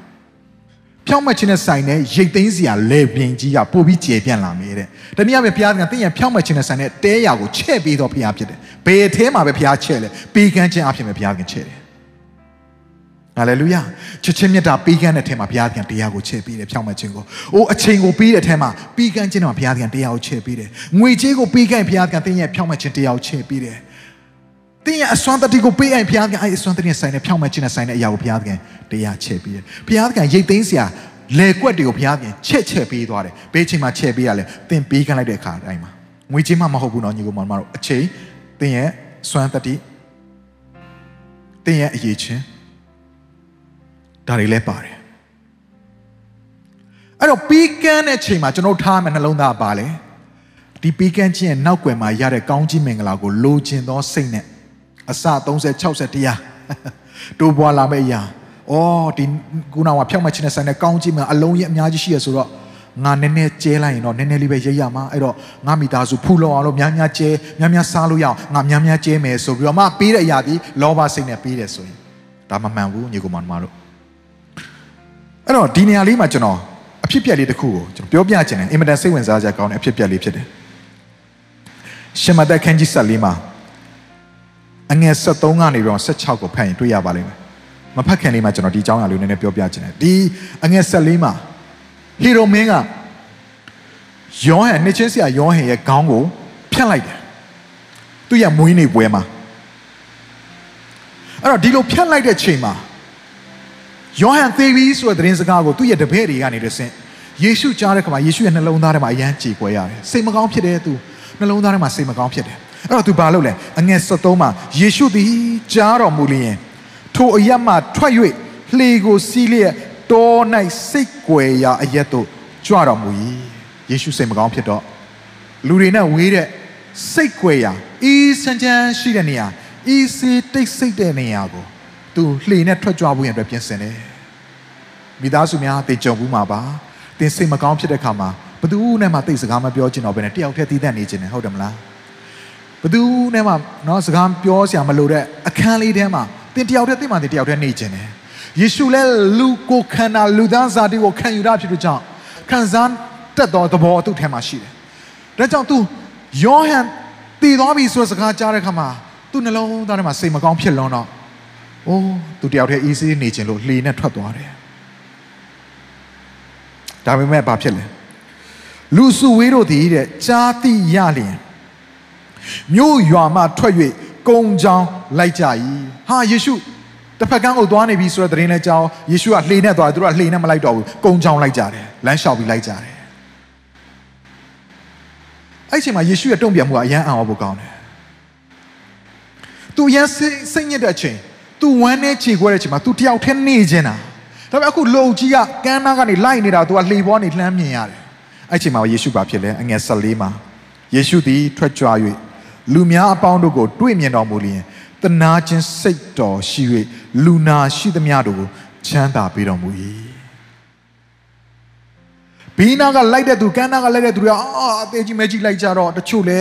အိုးမောတဲ့သူရှိမယ်အသက်ကြီးတဲ့သူတွေမောတဲ့သူရှိတယ်တချို့ကလည်းလဲကြတဲ့သူရှိမယ်အိုးတချို့ကလည်းနာကျင်မှုတွေနဲ့အော်ဟစ်တဲ့သူတွေရှိမယ်အိုးလူနာတွေကိုထမ်းပြီးပြေးလာတဲ့သူလည်းရှိမယ်ယေရှုမြင်တဲ့အခါမှာအိုးဖြောင်းမဲ့ခြင်းရှိတော်မူသောဖခင်ဖြောင်းမဲ့ခြင်းရှင်ယေရှုဖခင်ကဘာထွက်လာပြီလဲနှလုံးသားတွေက ပေးကမ်းခြင်းသောစိတ်စိတ်သဘောထွက်လာတယ်တနာသောစိတ်သဘောထွက်လာတယ်ချက်ချင်းပဲလေကိုအနာကပ်လိုက်ပြီးတော့မှဖျားနာတော့သူနာမကျန်းဖြစ်တော့သူတွေတယောက်ချင်းစီတိုင်းကိုတယောက်ချင်းတယောက်ချင်းစီတောင်ဘုရားသခင်ကျမ်းမာခြင်းကိုပေးပြီးတော့မှနော်မဆာပေးတယ်ကျွန်တော်ညုံမှာမှာတော့တခါတည်းမှာသင်စိတ်တဲ့အကြဆုံးသောအချိန်မှာကျွန်တော်ကိုအားပေးပါအောင်ဆိုပြီးအိုးနောက်တဲ့စိတ်တဲ့ကြတော့သူကရောက်လာတတ်တယ်ကြုံဘူးမလားမသိဘူးညီကောင်မတို့ကျွန်တော်တို့ကခဏခဏကြုံဘူးတယ် ငွေကြေးပြက်လက်တဲ့ချိန်ချာမှာငွေကြေးလိုအပ်တဲ့တော့သူနော်အကူကြီးတောင်းတဲ့သူတင့်နာကိုရောက်လာတယ်။အိုးကိုစိတ်တဲ့အရန်ကြတဲ့ချိန်မှာကိုယ့်ထက်စိတ်တဲ့ကြတဲ့သူတွေကကိုဘေးနားမှာရောက်လာတယ်။ဒါဝိစိတ်တဲ့ကြပြီးပြေးတာသူ့နောက်မှာဒုလန်ဦးမင်းမှာသူ့ထက်စိတ်တဲ့ကြတဲ့သူမရေရတဲ့သူအကျွေးတင်တဲ့သူအကုန်လုံးပြဿနာပေါင်းစုံရှိသောသူတွေဘုရားကပို့ပေးလိုက်တယ်။ ဒါဝိစိတ်တက်ကြဖို့အချိန်မရတော့ဘူးသူတို့ကိုပြန်အားပေးတာနဲ့သူ့ကိုသူပြန်အားတက်မိပြီးသားဖြစ်သွားတယ်တခါမှသင်ရဲ့စိတ်တက်ကြဆုံးသောအချိန်တွေမှာဖျားသခင်ကတခြားသောသူကိုပြန်လဲပြီးအားပေးနိုင်ဖို့ရလို့ကစိတ်တက်ကြသောသူတွေတင်နာကိုပေးရပို့ပေးတတ်တယ်သင်ငွေကြေးပြက်လက်တဲ့ချိန်မှာတခြားသောသူကိုကူညီပေးနိုင်ဖို့ရလို့ကငွေကြေးပြက်လက်တဲ့ချိန်မှာပဲငွေကြေးပြက်လက်တဲ့သူတွေတင်နာကိုပို့ပေးတယ်သူတို့ရဲ့တောင်းလျှောက်တဲ့စကားတန်ကိုသင်ကိုကြားစေတယ်ဖခင်ရဲ့နေရာမှာဖြစ်တဲ့ညီကိုမောင်နှမတို့အဲ့ဒါကသင်အတွက်ကောင်းကြီးမင်္ဂလာတကားဝါဖြစ်တယ်အဲ့တော့ ယေရှုကချက်ချင်းပဲတနာသောစိတ်နဲ့တယောက်ချင်းစီတိုင်းကိုကြည့်ရှုပေးတယ်ယေရှုဒီလိုမလုပ်ပါဘူးဟာငါဒီလောက်စိတ်တက်ကြနေတဲ့အချိန်ကြမှာငါဒီလောက်ဝမ်းနဲ့ခြေခွဲနေတာဒီမှာနော်ဒီမှာဒီမှာအာတုပဖြစ်နေတာဒီမှာတစုံတယောက်တည်သွားတာငါအယမ်းချစ်ရတဲ့သူငါတန်ဖိုးထားသူစုံပါသွားတာမင်းတို့ဒါလေးတော့ကိုချင်းမစားဘူးလားလှီပေါ်နေလှမ်းမဆူပါဘူးညီကောင်မောင်တို့တနာသောစိတ်နဲ့သွားတယ်ငါကဖခင်ရဲ့သားတော်ဖြစ်တယ်အဲ့တော့ ဖခင်ကငါ့ကိုခမည်းတော်ဖခင်ငါ့ကိုဒီလောကထဲမှာ mission ဆေးလွတ်ထားတာအဲ့တော့ခမည်းတော်ဖခင်ကနာတော်သူတွေကိုကြမ်းမာစေဖို့ခိုင်းထားတယ်ဆိုတော့အခုငါဘယ်လောက်ပဲနာကျင်နာကျင်ကြေကွဲကြေကွဲဘာဖြစ်ဖြစ်တော့ဖခင်ရဲ့စကားကိုနားထောင်ပါမယ်ဆိုတော့ပြည့်ညက်တရားကိုလိုက်လျှောက်သောနှလုံးသားနိဥပဒေသားကိုလုတ်ကိုလုတ်ရမယ်ဆိုတော့မဖြစ်မနေလုတ်ရမယ်ဆိုတဲ့စိတ်နဲ့လူနာတွေကိုကုသပေးတာမဟုတ်ဘူးညီကောင်မောင်တို့ဘာထွက်လာလဲနှလုံးသားတွေကတနာသောစိတ်နှလုံးသားတွေက ထွက်လာတဲ့ခံစားချက်နဲ့လူနာတွေကိုကြည့်ရှုပေးတာဖြစ်တယ်။ဒါကြောင့်ဘုရားသခင်သည်ချမှတ်ထားသောပြည့်ညတ်တော်တွေကိုအတွေးခေါ်နဲ့မဖြစ်မနေလုပ်ရမယ်ဆိုတဲ့စိတ်ကြီးနဲ့လိုက်လျှောက်တာတဲ့နှလုံးသားတွေကမေတ္တာပါလျက်တနာသောစိတ်ပါလျက်ကျင်နာတနာခြင်းပါလျက်တုံ့ပြန်တဲ့ရောက်ဘုရားသခင်ပို့ပြီးတန်ဖိုးထားတယ်။အဲ့တော့သူကြည့်ရှုပြုစုပေးရင်းနဲ့မှဘယ်တော့တောင်ကြာသွားလဲဆိုတော့အငယ်15မှာညာဥယံ တပည့်တော်တို့သည်ချင်းကပ်၍ညနေထီတောင်ရောက်သွားတယ်ညဦးချိန်ထီတောင်ရောက်သွားတယ်နေဆောင်သွားပြီတပည့်တော်တို့ကချင်းကပ်လာပြီဤရက်သည်တော်ရက်ဖြစ်ပါ၏မိုးလဲချုပ်ပါပြီလူစုလူဝေးတို့သည်မြို့ရွာသို့သွား၍စားစရာကိုဝယ်စီခြင်းကအခွင့်ပေးတော်မူပါဟုရှောက်ကြလျင်ရောက်လာပြီတပည့်တော်တွေကကိုတော့ညဦးချိန်ရောက်သွားပြီစားစရာတွေကဒီနေရာမှာဝယ်ဖို့ချမ်းဖို့အတွက်အဆင်မပြေဘူးအဲ့တော့အခုလူစုဝေးတွေအကုန်လုံးကို ပြန်ပြီးသူတို့ကိုပြန်သွားခိုင်းပြီးစားခိုင်းပြီးမှပြန်လာခိုင်းလိုက်လေသူတို့သွားရမယ့်ခရီးနဲ့သူတို့စားမယ့်အရာပြန်ပြန်လာမယ့်ပြန်လာခိုင်းလိုက်လေစဉ်းစားကြည့်ပါတော့တပည့်တော်တွေကလာတဲ့နော်လူစုလူဝေးအားလုံးကိုတကယ်ကိုတနာကျင်နာခြင်းနဲ့ကိုချင်းစာနာစိတ်နဲ့တကယ်ကိုသူတို့ကိုကြည့်ရှုပေးတဲ့ဝိညာဉ်ရေးရဆန်တဲ့စကားလုံးမျိုးတွေဒီနေရာမှာလာပြောတယ်တကယ်တော့လေကျွန်တော်စဉ်းစားချက်ဒီနေရာမှာ နောက်ထပ်ဖတ်တဲ့ကျမ်းစာတွေရဲ့တတ်သေးရဘာကိုကောက်ချက်ဆွဲလို့ရလဲဆိုရင်ပေးကြတဲ့သူတို့ဒီအဲ့နားမှာရှိတဲ့လူတွေအကုန်လုံးကိုတနာကျင်နာပြီးတော့မှအော်ကိုချင်းစာစိတ်တွေနဲ့အယမ်းကိုနော်တန်မိုးထားလုံးလို့လာပြောတဲ့စကားမဟုတ်အဓိကအဓိကကဘာလဲသိလားသူတို့ဘိုက်စာနေလို့သူတို့ဘိုက်စာနေလို့ပြောချင်တဲ့အတိတ်ပဲကဒီလိုကိုတော့ကိုတော့မပြီးသေးဘူးလားအခုချိန်ထိကျွန်တော်ဘိုက်စာနေပြီညနေစာမစားသေးဘူးဘိုက်စာနေတယ်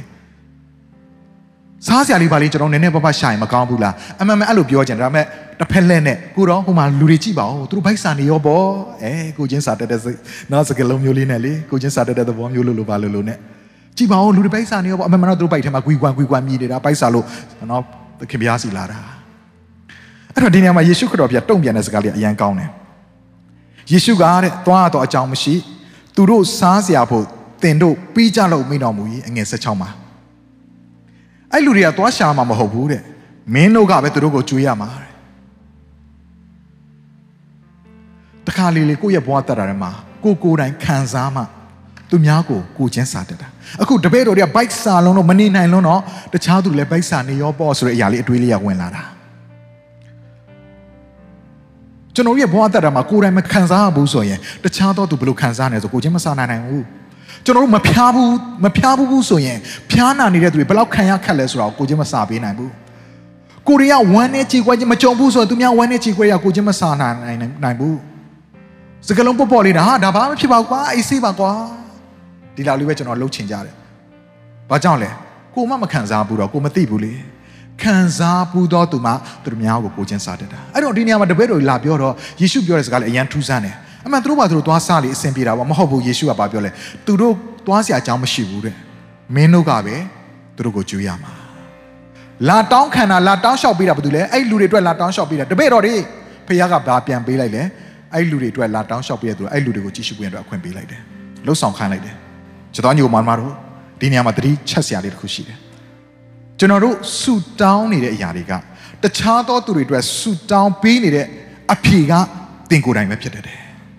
အခုတပည့်တော်တွေကတခြားသောသူတွေလာပြီးတောင်းလျှောက်ပေးတာကတပည့်တော်တွေကိုယ်တိုင်လှုပ်ဆောင်ပေးရမယ့်အရာဖြစ်တနည်းအားဖြင့်အဲ့ဒီလူတွေအတွက်အဖြေကသူတို့ပဲဖြစ်သွားတယ်မထားပါညီကောင်မတို့ဒါကဖခင်ရဲ့နေရာမှာဖြစ်တယ်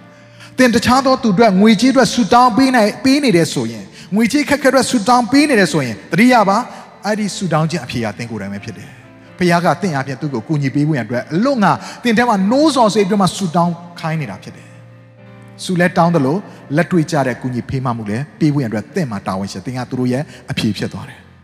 တစုံတယောက်ပြောင်းလဲဖို့အတွက်ဆူတောင်းနေရတယ်ဆိုရင်အဲ့ဒီဆူတောင်းချက်ရဲ့အဖြေကတင်ကိုယ်တိုင်ပဲဖြစ်တယ်ဆိုတော့မမိပါနဲ့ညီကောင်မတို့သူ့အသက်တာပြောင်းလဲဖို့ရန်အတွက်မေတ္တာပြရမယ်သူကတင်ကိုယ်တိုင်ပဲဖြစ်သွားတယ်အဲ့ဒီလူရဲ့အသက်တာပြောင်းလဲဖို့ရန်လို့ငါဝင်ငါဟောပြောမယ်တာဝန်ကတင်ကိုယ်တိုင်ပဲဖြစ်သွားတယ်အဲ့ဒီလူပေါ်စိတ်ရှည်သိခံခြင်းနဲ့ဆွဲခေါ်မယ်တာဝန်ကတင်ကိုယ်တိုင်ပဲဖြစ်သွားတယ် ဒါကြောင့်ဆူတောင်းခြင်းအဖြစ်အသင်ကိုယ်တိုင်ပဲဖြစ်တတ်တယ်ဆိုတာကိုဘုရားခင်ရဲ့ဒီအရာလေးအဖြစ်နိယာမကိုတွေ့ရတယ်ဘုရားရဲ့နိယာမကိုတွေ့ရတယ်ဟာလေလုယာ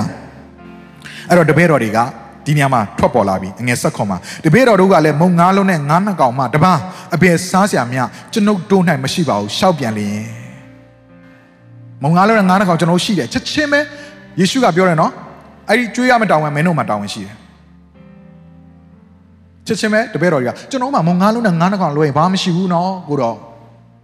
အဲ့တော့ဒီအောင်ကြည်ကြမြင်ပါသိရလဲယေရှုခရစ်တော်ကျမ်းမာခြင်းပေးနေတဲ့အချိန်ကာလမှာဒီတပည့်တော်တွေကဗိုက်စာလုံးလို့အိုးအကုန်လုံးလှည့်ပဲ့ပြီးသူတို့ရှာဖွေပြီးသွားပြီအဲ့တော့သူတို့ဘာရလာလဲမုံငါးလုံးနဲ့ငါးနှစ်ကောင်အစင်းသင်းရနေပြီသူတို့စဉ်းစားထားတဲ့ backup plan ကပါလဲသိလားငါတို့တပည့်တော်12ယောက်ပဲအตาလေးအตาလေးဒီမုံငါးလုံးနဲ့ငါးနှစ်ကောင်တွေ့လိုက်ရအောင် တခြားသောသူတွေဗိုက်စာနေသူတို့ဘာသူတို့သွားပြီးစားပလိစေအဲ့တော့ဒီမုံငါးလုံးနဲ့ငါးနှစ်ကောင်တော့အကယ်၍များယေရှုကဘာမှမလုပ်ထားဘူးဆိုရင်မပြင်ဆင်ထားဘူးဆိုရင်ငါတို့ဒါလေးစားပြီးဒီညကိုလွန်ရအောင်တိုင်ပင်ထားပြီးသားဆွေးနွေးထားပြီးသား backup plan ဆွဲထားပြီးသားတခြားသူတွေမဟုတ်တော့သူတို့စားဖို့မုံငါးလုံးနဲ့ငါးနှစ်ကောင်ပြင်ထားပြီးသားအဲ့ဒါလည်းဘသူစီရရလဲကလေးလေးတယောက်စီရရထားတာအနိုင်ကျင့်ဖို့ချောင်းနေတာသူတို့ဒါပေမဲ့ယေရှုကဘာပြောလဲအဲ့ဒါယူလာခဲ့ပါသူတို့လက်ထဲမှာရှိတဲ့ သူတို့၁၂ယောက်မျှပြီးစားရင်တော့မှနန်ချားမကတ်တဲ့နော်နည်းနည်းလေးအာသာပြုံလောက်ပဲရှိတဲ့မဝဘူးနော်မဝဘူးအာသာပြုံလောက်ပဲရှိတဲ့အစားစာလေးအဲ့ဒါလေးရှိတဲ့အရာလေးနည်းနည်းလေးကိုပဲယေရှုကပြန်တောင်းနေပြီဒီချိန်မှာနောက်ဆုံးယေရှုစီရှိတဲ့နေရာကိုပေးလိုက်တယ်ယေရှုစီရှိတဲ့နေရာကိုယူလာတယ်ယေရှုကိုအပ်လိုက်တယ်ယေရှုဖခင်ယေရှုတော်ချီးမွမ်းပြီးပေးတဲ့အခါမှာမျှဝေခိုင်းလိုက်တဲ့အခါမှာလူတိုင်းစားရပြီးဘိုက်ဝအောင်စားတယ် တပည့်တော်တွေလည်းဘိုက်ဝအောင်စားရတယ်လာတော့သူအားလုံးကလည်းဘိုက်ဝအောင်စားရပြန်တောင်း၁၂တောင်းအပိုရှံထပ်ပြီးရပြန်တယ်ပိုရှံနေပြန်တယ်အဲ့ဒီနေရာမှာရေတွက်ထားတဲ့အရာအငယ်27မှာပါတွေ့ရလဲဆိုစားတော့သူအရေတွက်ကတဲ့မိန်းမနဲ့သူငယ်ကိုမဆိုပဲယောက်ျား9000များရှိရှိရှိတယ်တဲ့ယောက်ျား9000အမျိုးသားတွေပဲရေတွက်တာ9000ရှိတယ်နော်ကျွန်တော်မေးမယ်ဆူတောင်းစည်းဝေးကိုလာရင် ယောက်ျားနဲ့မိန်းမဘယ်သူပုံများလဲအမျိုးသမီးပုံများတယ်မလားဖះเจ้าလာတက်တယ်အောက်မှာထိုင်နေတဲ့နော်လူတွေထဲမှာအမျိုးသားနဲ့အမျိုးသမီးဘယ်သူပုံများလဲအမျိုးသမီးကအမျိုးသားတဲ့အမြဲတမ်းနှစ်ဆသုံးဆလောက်ပုံများလေးရှိတယ်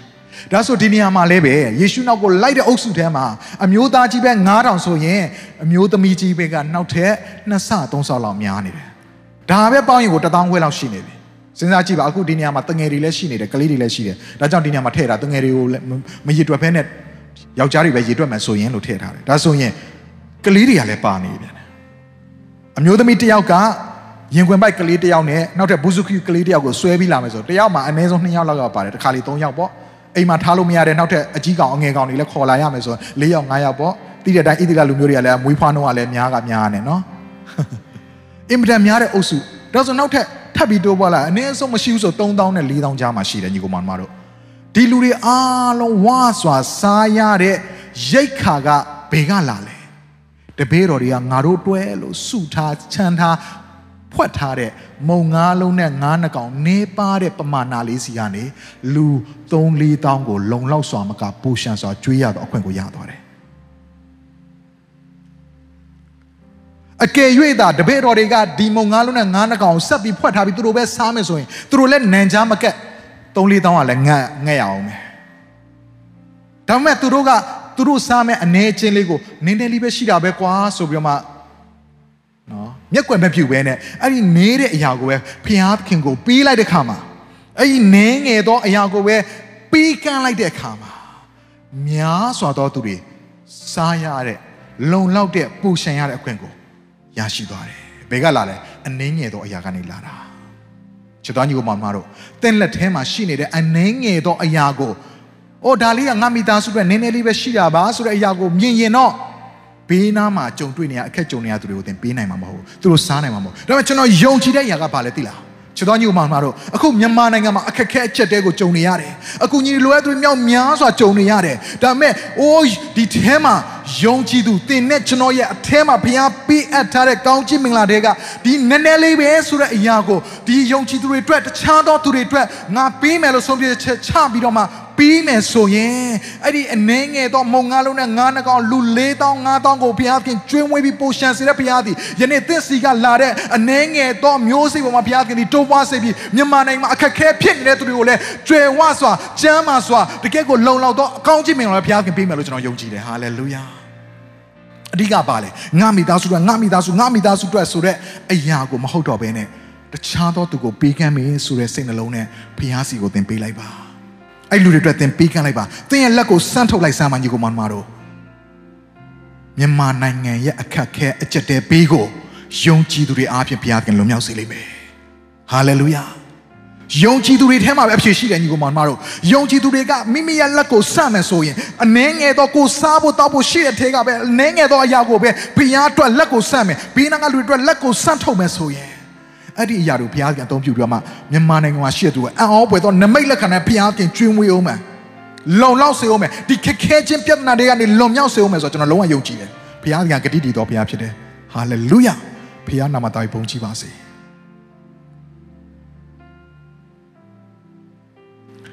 တင်းလက်ထဲမှာထည့်ထားတဲ့အရာကမျိုးစေ့ဖြစ်တယ်ဆိုတော့ဘယ်တော့မှမေ့မသွားနဲ့ညီကောင်မတို့ပြီးတဲ့ခါမှလည်းပဲနှမျောသောစိတ်နဲ့ပြေးဖို့မဟုတ်ဘူးတင်ဒီဖြောက်မှတ်တော်သူဖြစ်တယ်ဆိုရင်အထဲမှာရှိတဲ့တန်ရှင်တော်ဝိညာဉ်တော်အခွင့်ပေးကြည့်လိုက်တင်နှလုံးသားတွေကလေသူများကိုချစ်တဲ့မေတ္တာတွေစီးထွက်လာလိမ့်မယ်သူများပေါ်မှာတနာတဲ့စိတ်တွေစီးထွက်လာလိမ့်မယ်ကျင်နာခြင်းတွေစီးထွက်လာလိမ့်မယ်ကျွန်တော်အရန်ကျေးဇူးတင်တဲ့ညီကောင်မတို့ဒီလိုအခြေအနေမျိုးမှာလေ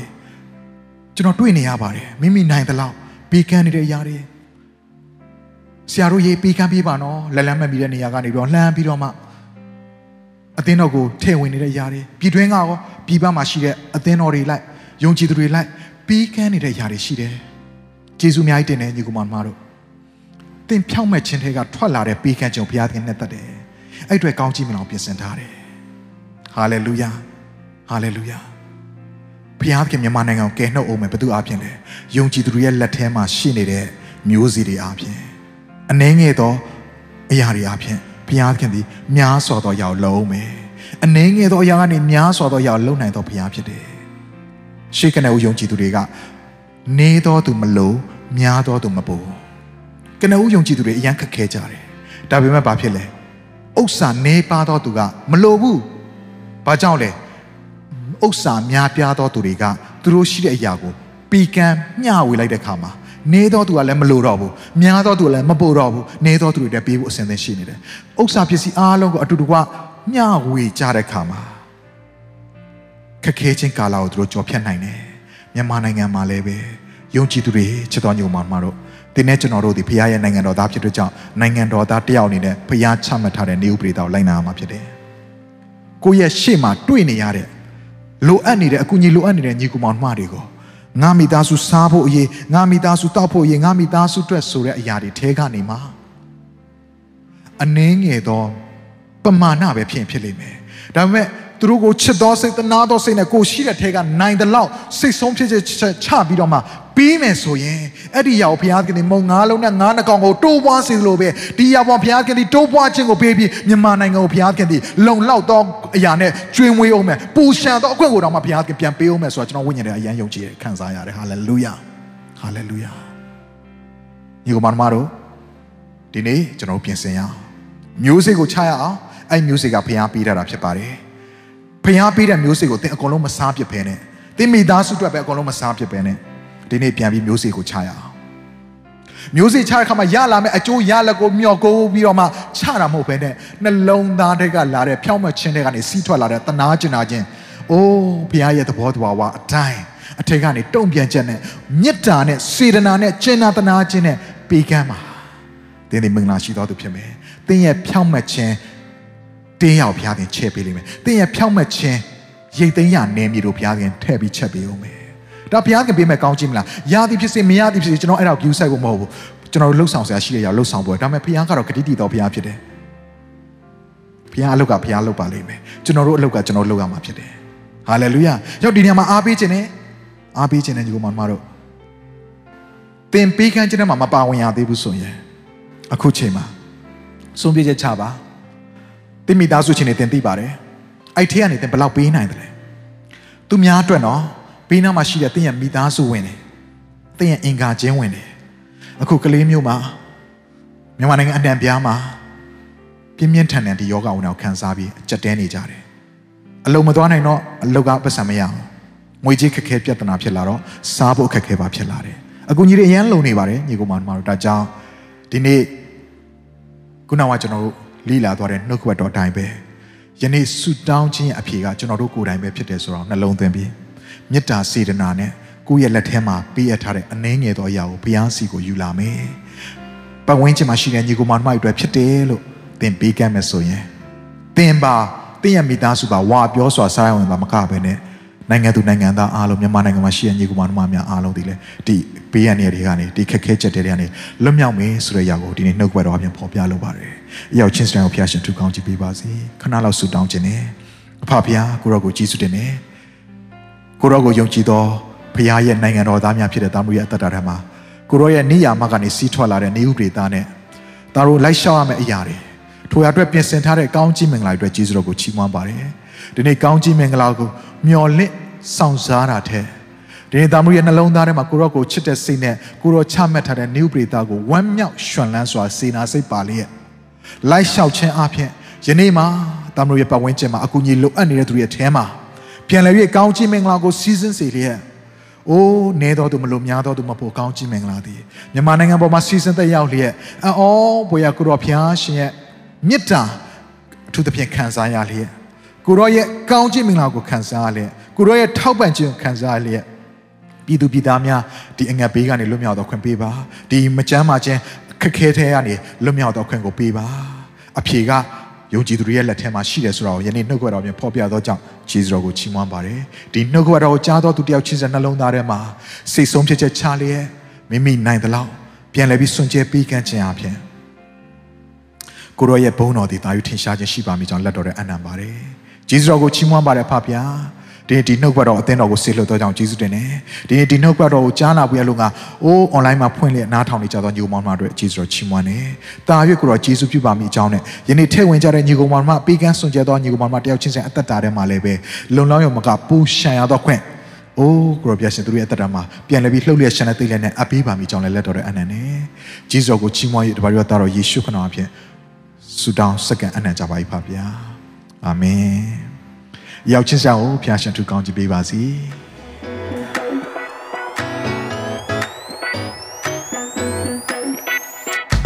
ဒီအစီအစဉ်လေးအပြင်တင်းရဲ့အသက်တာမှာကောင်းကြီးဖြစ်မယ်ဆိုတာကိုကျွန်တော်ယုံကြည်ပါတယ်ဗီဒီယိုကြည့်ပြီးခံယူလို့ဒီများအတွက်အပတ်စဉ်တရားဟောခြင်းများ Bible Study